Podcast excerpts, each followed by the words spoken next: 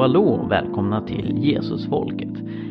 Oj, vilken maffig och frän röst du har Mikael, tänker du säkert nu och ja, det stämmer. Eh, Jesusfolket är en podcast om att leva enkelt i Jesu efterföljd och vi har liksom levt ganska enkelt och haft ganska kassa mikrofoner och ganska kass inspelningsutrustning. Eh, nackdelen med det är ju då att folk som kanske skulle behöva budskapet inte står ut med att eh, lyssna när, när kvaliteten sjunker. Så en lyssnare som heter Johan eh, valde att sponsra oss för att införskaffa en bättre mikrofon. Och det är vi jättetacksamma för. Så nu kommer ljudet i Jesusfolket förhoppningsvis låta lite bättre. Och med det sagt så vill jag presentera dagens avsnitt som spelades in i den katolska bokhandeln i Stockholm förra veckan. Jag var inbjuden av dem för att delta i ett samtal med Pater Ulf Jonsson som är jesuitpräst och som har skrivit en hel del om systematisk teologi inklusive mirakler som jag också är intresserad av. Och han kommer från en liten annan ingång. När jag skrev dokumenterade mirakler så var jag fokuserad på att visa för de som är skeptiska eller tvivlande att mirakler faktiskt sker. Ulf Jonsson har skrivit mer teologiskt om det här och kommer inte riktigt från den ingången. Så utifrån det så ser vi på mirakler på lite olika sätt. Han är mer intresserad av liksom hur ska man se på Guds helhetsarbete och går det verkligen att göra en skarp skillnad mellan naturligt och övernaturligt? Är inte hela skapelsen i Guds hand och så vidare. Eh, det ledde till väldigt intressanta interaktioner om miraklers syften och hur vi kan avgöra vad som är ett mirakel och så vidare.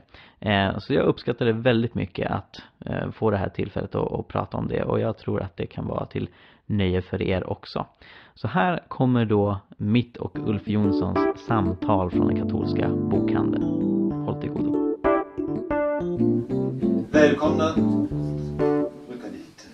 Välkomna till en, en kväll som eh, organiserats av Katolsk bokhandel och eh, Katolskt forum om mirakel, mirakler.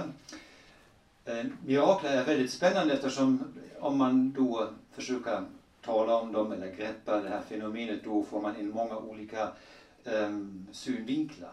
Och mirakler talar om hur Gud verkar i världen till exempel, hur kanske naturlagar och Guds ingripande hänger ihop. Hur är det med helande och um, bönens påverkan på människan och sjukdomar. Uh, det finns många ingångar i den här frågan, eller också uh, frågan om, om uh, vetenskap, sen um, medicinen och mirakel. Det finns så många ingångar vi har ikväll uh, eh, bjudit in två specialister på mirakler får jag säga. Eh, det miraklet de sitter här, det är det första miraklet ikväll. Och um, båda kommer från Uppsala. Det är alltså Mikael Grenholm som är pastor vid Mosaikförsamlingen i Uppsala och teolog. Och um, han har skrivit den här boken Dokumenterade mirakler då han verkligen försöker beskriva mirakler som har hänt och deras bakgrund, möjliga invändningar mot mirakler. Och han kommer att presentera grundläggande tankar om det han har resonerat sig fram till och dokumenterat. Sen har vi Ulf Jonsson, han har också skrivit en bok, inte om mirakler um, i största allmänhet utan om eh, en, en fundamental teologi och det ingår frågan om mirakler också inom katolsk tradition var mirakler ganska länge och är det fortfarande ett bevis på Jesu gudomlighet. Att han så att säga äh, genomförde, gjorde mirakler, visade bland många andra saker att han var sann Gud. Och um, Ulf har en religionsfilosofisk fundamentalteologisk ingång i denna frågeställning. Och uh, han är professor i religionsfilosofi vid Ljungeninstitutet, chefredaktör för kultur tidskriften Signum och Jesuit.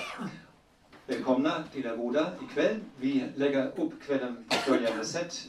Båda har möjlighet att utifrån sina respektive perspektiv eh, tala om frågan.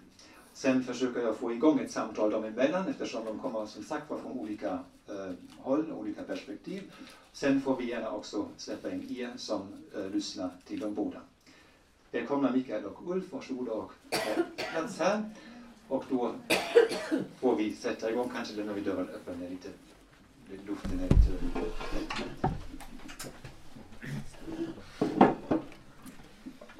Tack så mycket.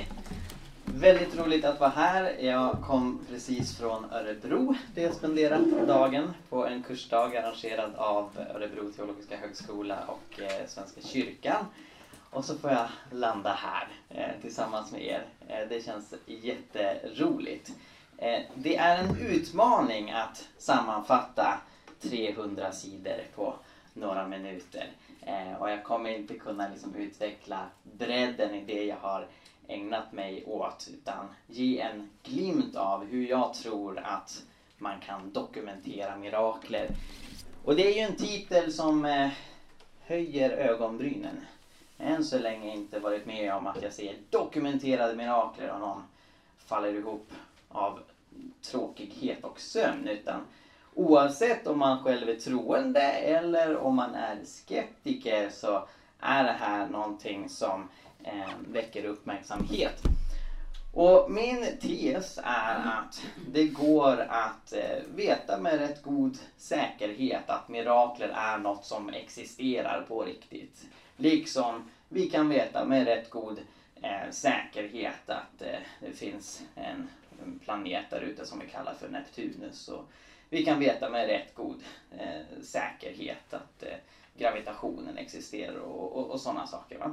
Eh, så jag tror att mirakler är en del av den verklighet vi alla befinner oss i och att vi med hjälp av vetenskapliga metoder faktiskt kan ta reda på att mirakler sker men inte riktigt på samma sätt som när vi ska upptäcka en planet eller en fysisk kraft som gravitationen. Jag tror att mirakler snarare upptäcks genom att identifiera det som saknar naturlig förklaring. Och det är så jag kommer använda begreppet mirakel. Nu ska jag ta och skriva lite här. Människor menar väldigt många olika saker när de pratar om mirakler. Så vissa kan prata om hur det är ett mirakel att Zlatan gör mål och han är därmed en frälsare. Eh, och andra pratar om att mirakler det är solnedgångar och kattungar och sådana saker.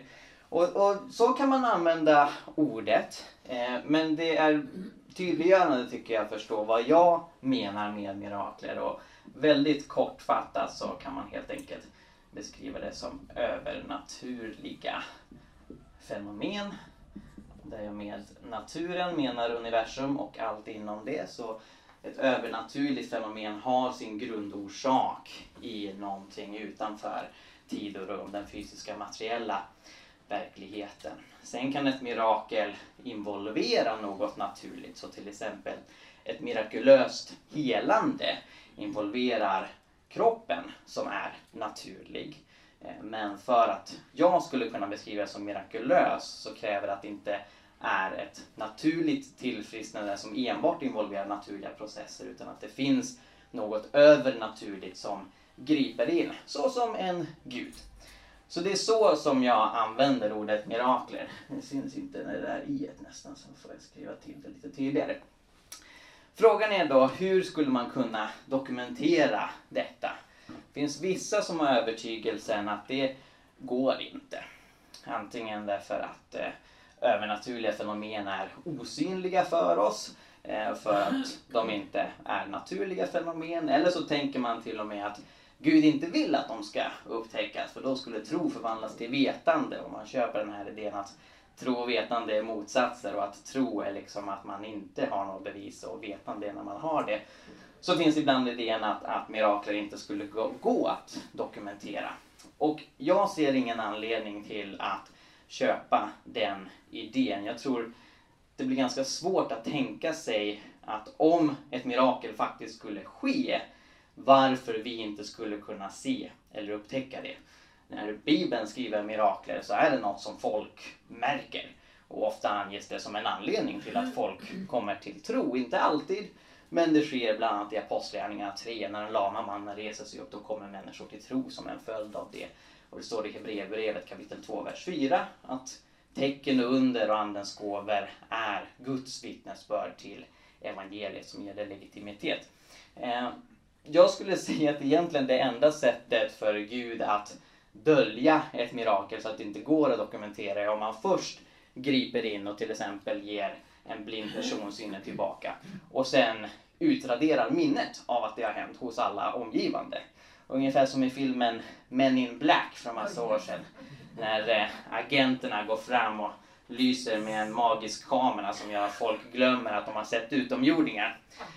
Och så kan man ju tänka, eh, men jag ser ingen anledning att tänka att Gud skulle fungera på det sättet. Utan om det är så att Gud gör mirakler, då anser jag att då går det att märka och dokumentera. Man skulle kunna prata med människor som har varit med om det här, jämföra tillståndet före och efter hos den som har upplevt detta. Men hur identifierar vi det och hur kan vi använda vetenskapen i det? Jo, det mest centrala begrepp som jag använder mig av i boken heter vetenskapligt oförklarliga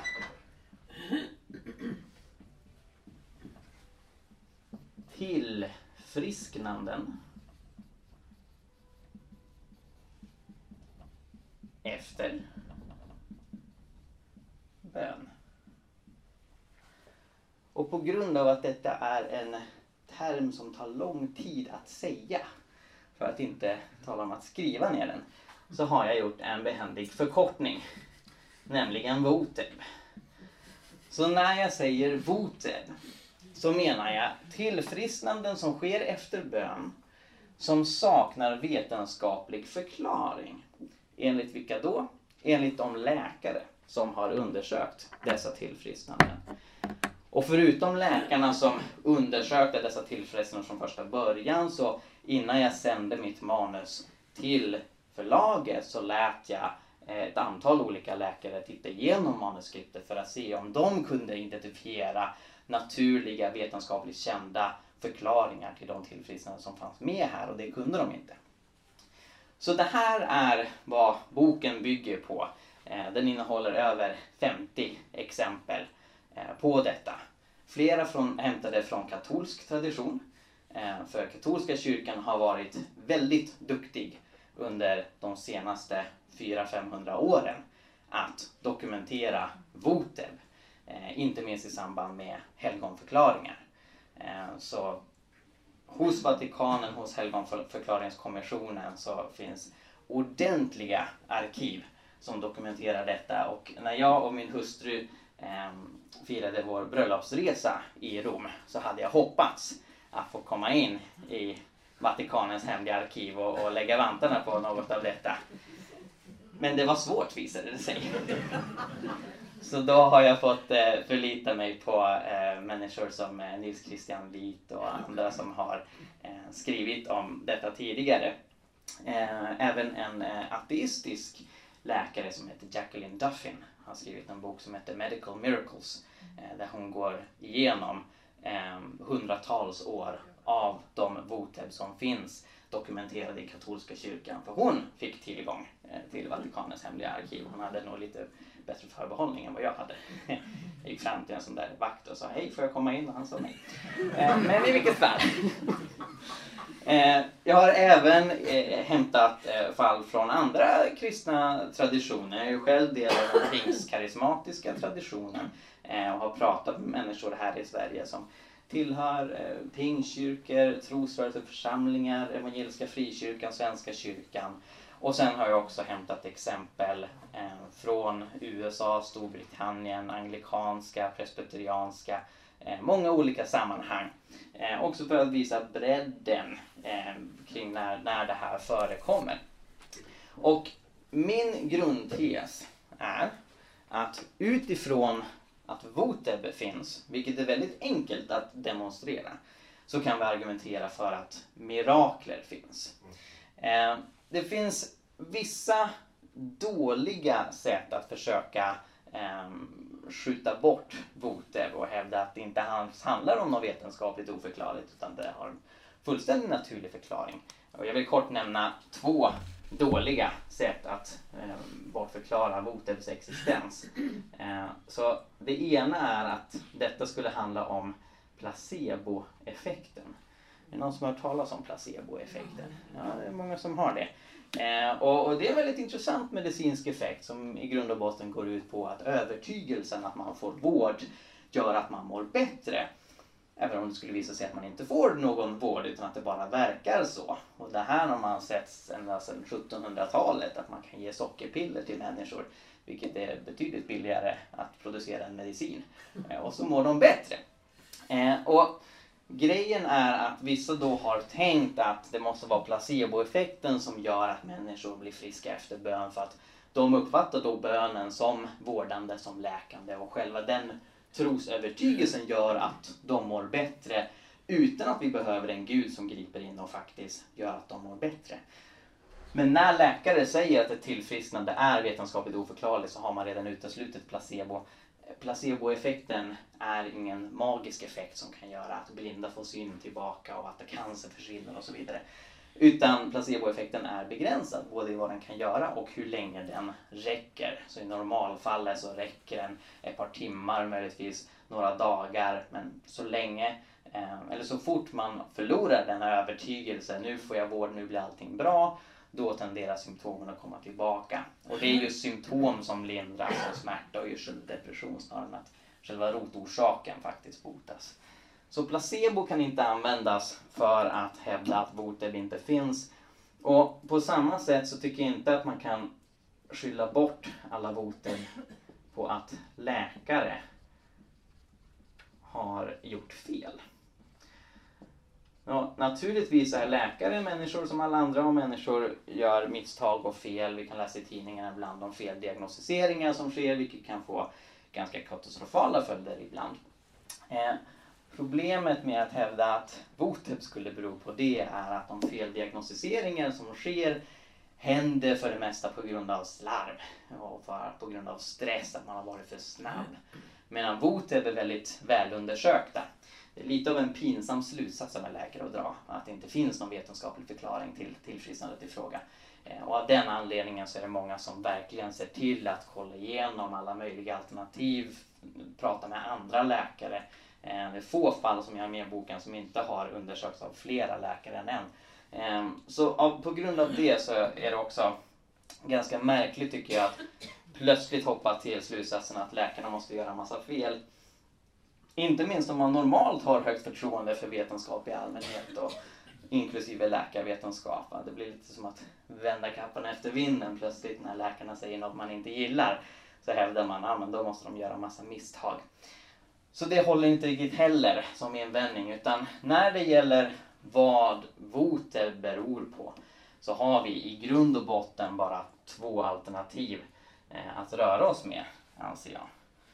Och det ta på en liten linje här. Eh, så det ena är ju just att det är mirakler, övernaturliga fenomen. Nu försvann i igen. Eh, på grund av att om Gud skulle gripa in i respons till bön och bota en person mirakulöst så ser det ut som ett votep. Det är precis så det ser ut. Eh, på grund av att det i så fall har en övernaturlig orsak så kan vi inte hitta en naturlig orsak. Det finns helt enkelt ingen naturlig orsak utan det är på grund av något övernaturligt som personen blev fri. Så att det skulle röra sig om ett mirakel är en förklaring som passar ganska väl in. Det andra alternativet är att det skulle röra sig om okända naturliga fenomen.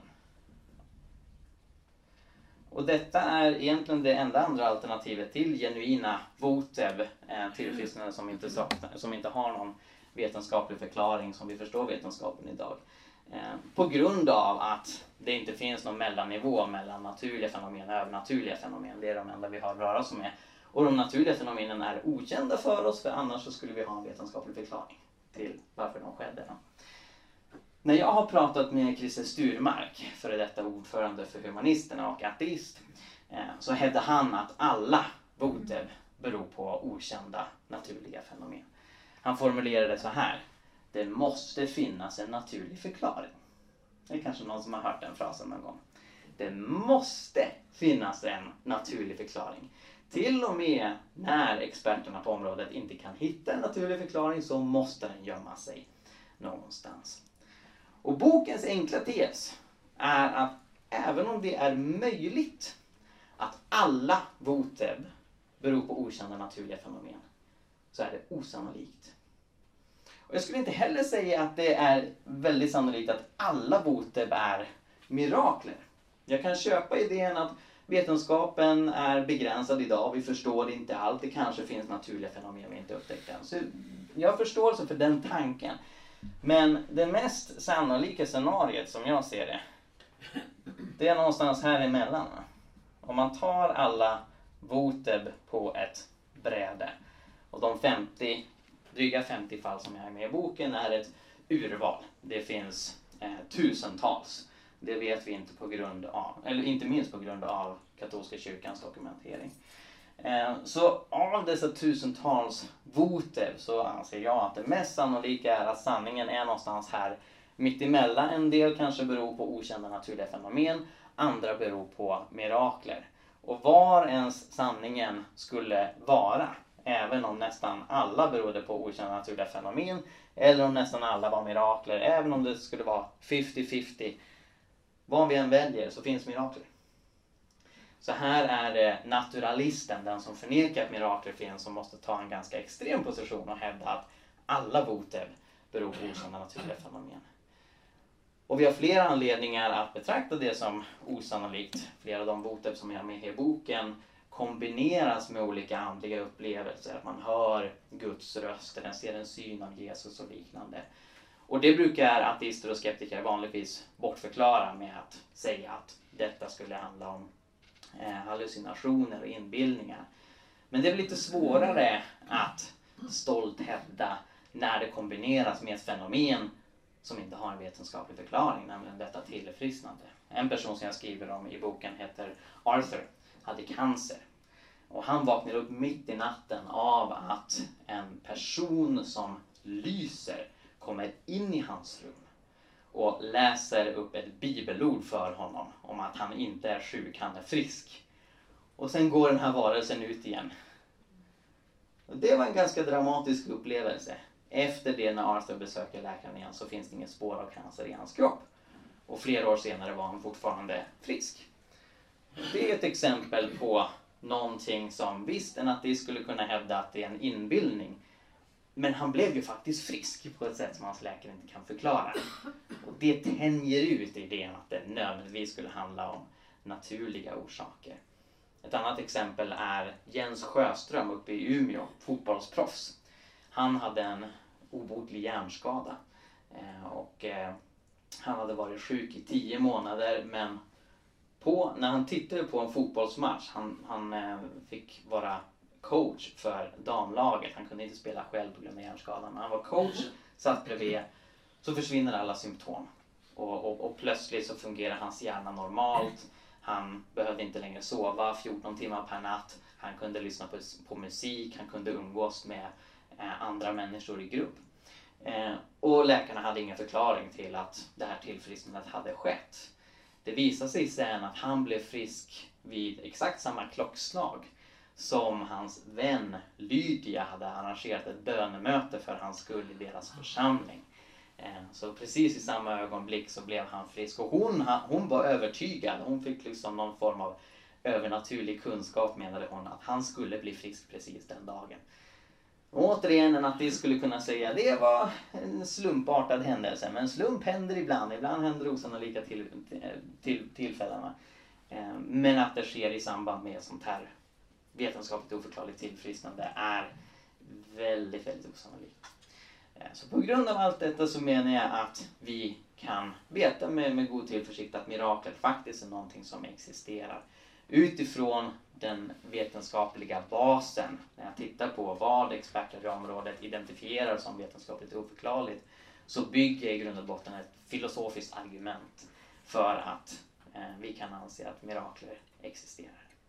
Tack.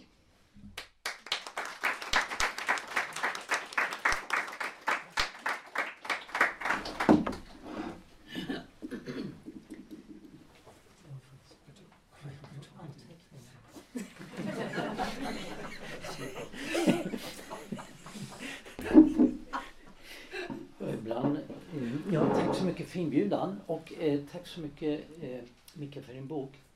Ehm, eh, och jag har läst den eh, sådär lite diagonalt men eh, jag tycker den är mycket intressant. Ehm, och ehm, ja, jag närmar mig den här frågan eh, lite granna annorlunda. Jag närmar mig den mer som utifrån vissa filosofiska frågeställningar. Och eh, synen på frågor om vad, vad, vad innebär av vissa frågor som har med vetenskap att göra. Men jag tänker också tala lite grann om, alltså jag, jag kan säga på en gång att för min del, jag är inte någon skeptiker när det gäller mirakler. Jag, jag tror att det, det, finns det här fenomenet. Men eh, vad jag är ute efter det är mer att eh, försöka förstå vad det är för, vad är det här så att säga. Det är mer det. Eh, och eh, både ur en, hur det passar in i vår världsbild och även teologiskt. Så att säga. Och eh, så det är mest sådana eh, frågor som jag diskuterar. I, I min bok ehm, så behandlar jag också mirakler. Och jag har några exempel på sådana i, i boken också. Inte alls så många som du har i din bok, men några stycken. Och ehm, eh, jag diskuterar de här alltså jag använder de här exemplen som utgångspunkt för att göra vissa reflektioner över vad det är, vad är, vad är det här för någonting? Hur kan man förstå det? Och vilken betydelse kan det också ha på, i, i, i, eh, den, eh, i, i den religiösa tron? Jag behandlar själva frågan utifrån så att säga, den bredare frågeställningen om hur Gud överhuvudtaget handlar i världen. Det är för min eh, för mitt vidkommande så att säga, den, den mer grundläggande frågan. Hur handlar Gud överhuvudtaget i världen? Därför Gud handlar ju inte bara i världen vid mirakler så att säga. Gud handlar ju ständigt. Gud eh, skapar allt. Det finns ingenting som inte är skapat av Gud. Gud upprätthåller allting som finns. Man talar om Kratio eh, eh, originans och continua. Alltså att Gud upprätthåller, skulle inte Gud upprätthålla eh, universum i dess existens skulle vi allting upp, upphöra. Så att Gud har så att säga inte bara med mirakler att göra, Gud har med allt att göra. Det är min utgångspunkt. Och därför har mirakler så att säga en lite annan ska säga, ställning i mitt tänkande. Än, ehm, eh, jag ser det mer som exempel på hur Gud handlar. Eh, och eh, jag tänker mig också att alltså Gud handlar så att säga i det mest vardagliga eh, så att säga lika mycket som i mirakler. Och eh, det, det, är för mig en, eh, liksom en utgångspunkt att, att mirakler är i grund och botten eh, inte så annorlunda eh, jämfört med Guds handlande i så att säga överhuvudtaget. Jag skulle säga att eh, mirakler är en, en, en typ av exempel på Guds handlande. Ehm, det finns vissa risker också att fokusera för mycket på mirakler. Även om jag inte har någonting emot att man tar upp det och tar upp det ordentligt. Tvärtom, jag tycker verkligen att det lönar sig att göra det.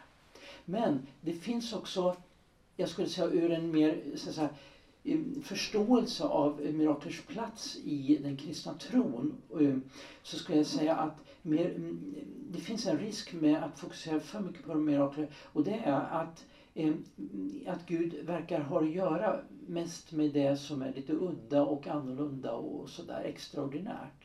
Men tron är egentligen som jag ser det till för att forma livet i dess helhet och inte så att säga eh, så att de måste så att säga, inordnas i, en, i hela så att säga, tanken på Guds handlande. Och sen kommer man inte ifrån att eh, men också i katolsk tradition är det så att man hänvisar till mirakel ibland som evidens för Guds existens. Det kan man göra. Eh, men eh, mirakel är egentligen inte till för det. så att säga. Mirakel eh, det, det är Guds handlande i världen för att på något sätt hela skapelsen och leda skapelsen till Gud eller ja, någonting sånt. Alltså, eh, och därför är meningen med miraklet, syften som jag tolkar med mirakler, är inte egentligen att vara så att säga, en bas för argument för Guds existens. Utan de har helt andra syften. Och det är därför också som Jesus avvisar eh, det här när folk kommer att och ber om att man ska göra något extraordinärt och, så, och sådär. Eh, därför att miraklers eh, funktion är inte att vare sig att stilla människors nyfikenhet, att, att de får några slags eh, event, så, så, att säga, speciella saker att uppleva eller sådär. Utan det är en del så att säga, av Guds vad ska vi säga, frälsningshistoria. Eh, en, en del av Guds handlande för att hela världen. Så skulle jag närma mig det primärt. Eh, det är också viktigt att försöka då säga vad mirakler är och du har också här det övernaturliga fenomen. Eh, och, eh, och det är en definition som, som jag ehm, också ehm, liksom kan mm, tycka den är bra. Ehm, men jag skulle vilja göra lite mer kring det. Och det har att göra med att e-, det finns olika sätt att prata om mirakler också i teologin. Eh, inte bara så att det finns olika typer, det finns helande och det finns andra typer av mirakler. Men också hur man tänker sig att det här är inbäddat i Guds handlande generellt. Eh, man brukar skilja mellan Guds handlande eh, förmedlat genom skapade ting, det vi kallar för sekundärorsaker, och Guds handlande så att säga oförmedlat. Eh, och eh, det här är ju liksom eh, det är abstrakta kategorier men de, de har vissa poänger. Det där. Därför att det är en skillnad om Gud handlar genom så att säga, naturliga orsaker i världen. Och det är Guds vanliga sätt att handla. Ehm, och, och därför existerar vi. Gud upprätthåller allting hela, kontinuerligt. Så Guds vanliga sätt att handla det är så att säga, i, så att säga, med skapade orsaker. Och eh, finns det någon anledning för Gud att, så att säga, gå förbi de skapade orsakerna? Eh, jag tror att det egentligen inte alls är nödvändigt att Gud går förbi skapade orsaker för att göra mirakler. Det beror helt på hur vi definierar mirakler exakt. Men också i Bibeln finns det exempel på det att händelser som i och för sig är helt naturliga uppfattas som tecken, särskilda tecken på Guds handlande. Tänk bara till exempel på i samband med Jesu död så beskrivs det i eh, åtminstone hos Lukas, jag, jag tror kanske fler synoptiska evangelier, eh, så beskrivs det hur det blir en solförmörkelse och att månen vänds i blod, månen blir röd. Och det där ses som tecken på att här händer någonting speciellt. Så att säga. Eh, men i och för sig är det där naturliga fenomen. Det finns till och med astronomer som har räknat ut att det är ganska sannolikt att det faktiskt var en solförmörkelse den dag Jesus dog. För det finns inte så himla många dagar då Jesus så att säga, historiskt sett kunde dö och passa in i, i så att säga, det liturgiska året och så vidare. Det, det rör sig om en handfull dagar som historiskt är möjliga. Och en av de där få hade en solförmörkelse som var mellan, eh, ungefär klockan 3 till klockan, alltså 15 till klockan 18. Och, eh, eh, och då sågs också månen som röd. Eh, så det har helt naturliga förklaringar. Men människorna då, och också evangelisten, upplever det som tecken på att här är något speciellt. Och jag menar att Gud kan använda sig av helt naturliga saker också som tecken. Och ni vet i evangelierna, särskilt hos Johannes, så beskrivs det vi mm, så att säga, kan kalla mirakler för tecken. De är tecken på Guds närvaro, de är tecken på att Gud vill handla och, sådär. Så att eh, jag tror att den frågan också måste man eh, ta med i, i beräkningen. Gud handlar så att säga genom eh, skapelsen och det är det normala. Gud kanske har anledning ibland att helt gå förbi de skapade orsakerna. Jag tror att det är möjligt.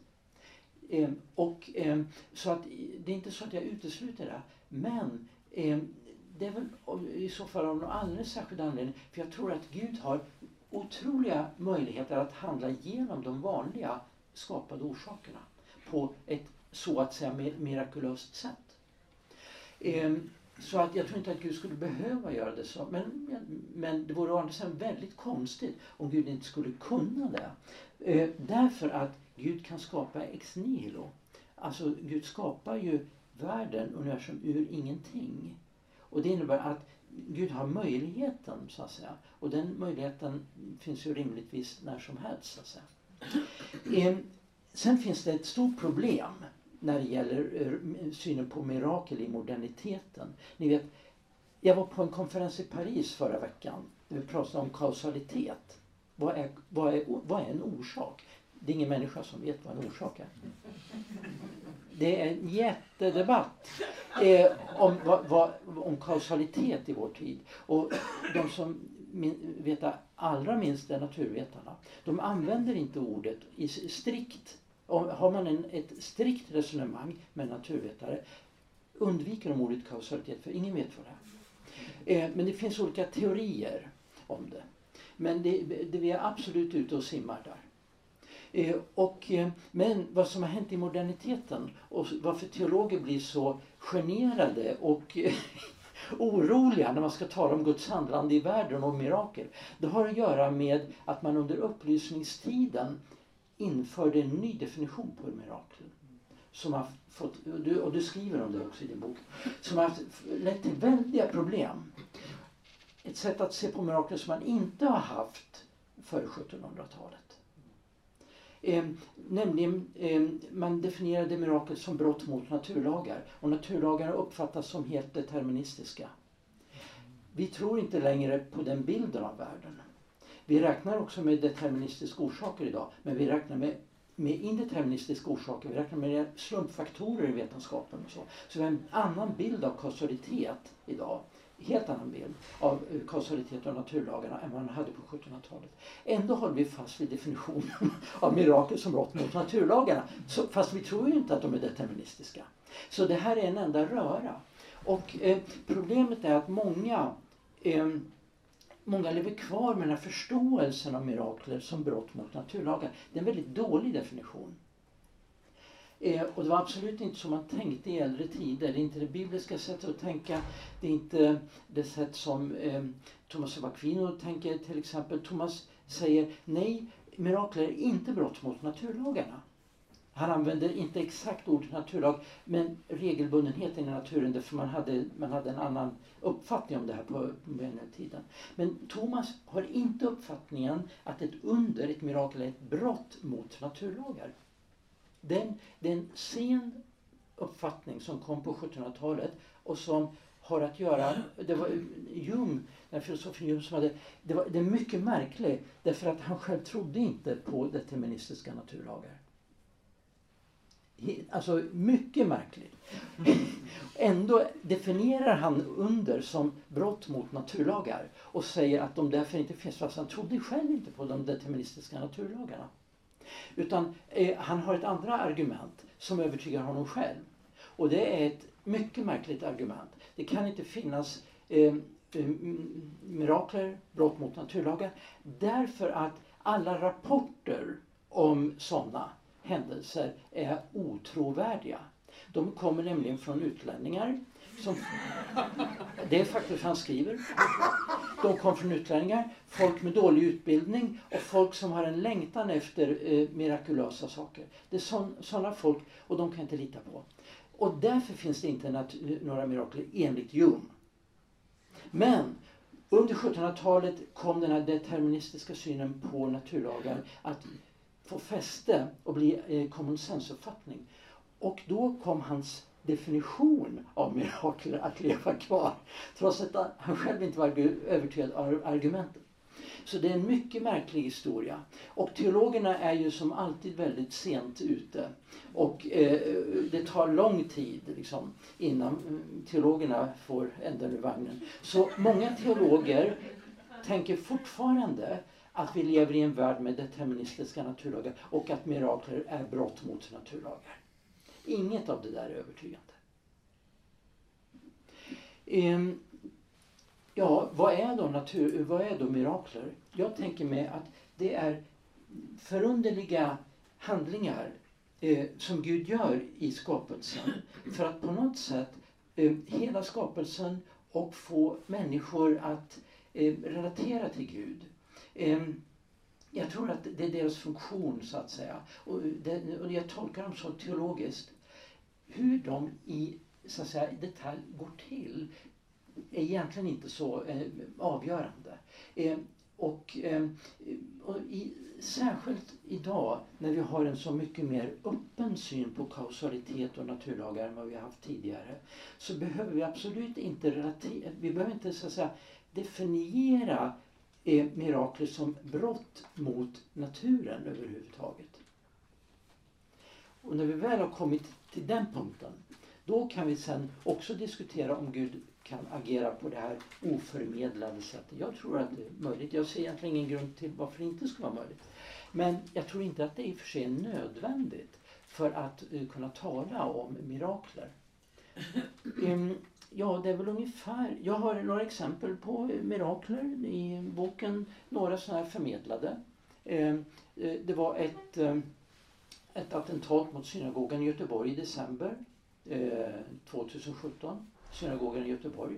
Ni kanske minns det en del. Och det var ett sånt, de kastade in molotov cocktails och men personerna, det var några ungdomar som hade fest där i lokalerna. Synagogan klarade sig därför att när de demaskerade männen eh, sprang därifrån i tanke att de hade tuttat eld på synagogan så började ösregna plötsligt. Och de där molotovcocktailarna, de släcktes på helt naturlig väg. Eh, så det var ett störtregn exakt när det behövdes på den platsen, väldigt lokalt. Och så klarar man det. Så det är ett slags mirakel om man läser det ur tron. Och det är nämligen så, ett mirakel som ett Guds handlande kan vi bara förstå utifrån tron tron nämligen på att det här är någon som handlar, en tanke med det. Och så, annars blir det bara en konstig händelse. Och, eh, så att, eh, så, och man kan tolka den här händelsen på det sättet, som ett Guds ingripande. Men det finns ingen så att säga, kausalitet att hänvisa till som är egendomlig ehm, i, någon, i, någon, så att säga, i någon vanlig förklaringsmodell. Och överhuvudtaget Gud är inte en orsak som vi kan tala om i någon slags vetenskaplig, jag tänker nu på naturvetenskaplig bemärkelse.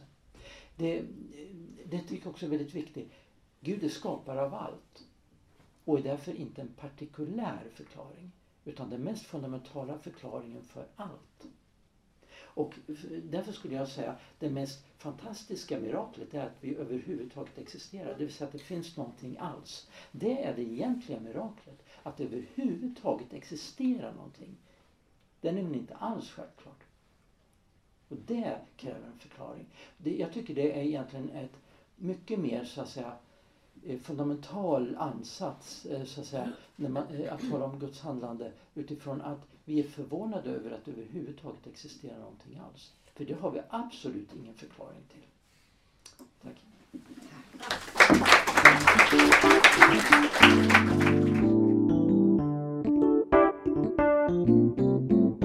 Ja, som ni säkert hör så tänker jag och Ulf lite olika kring mirakler, vad det är, hur det ska definieras, vad dess syfte är.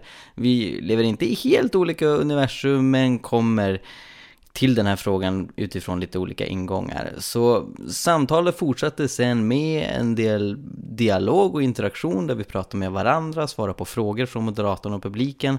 Och det, kära lyssnare, får ni höra nästa vecka i nästa avsnitt av Jesusfolket. Så håll utkik efter det.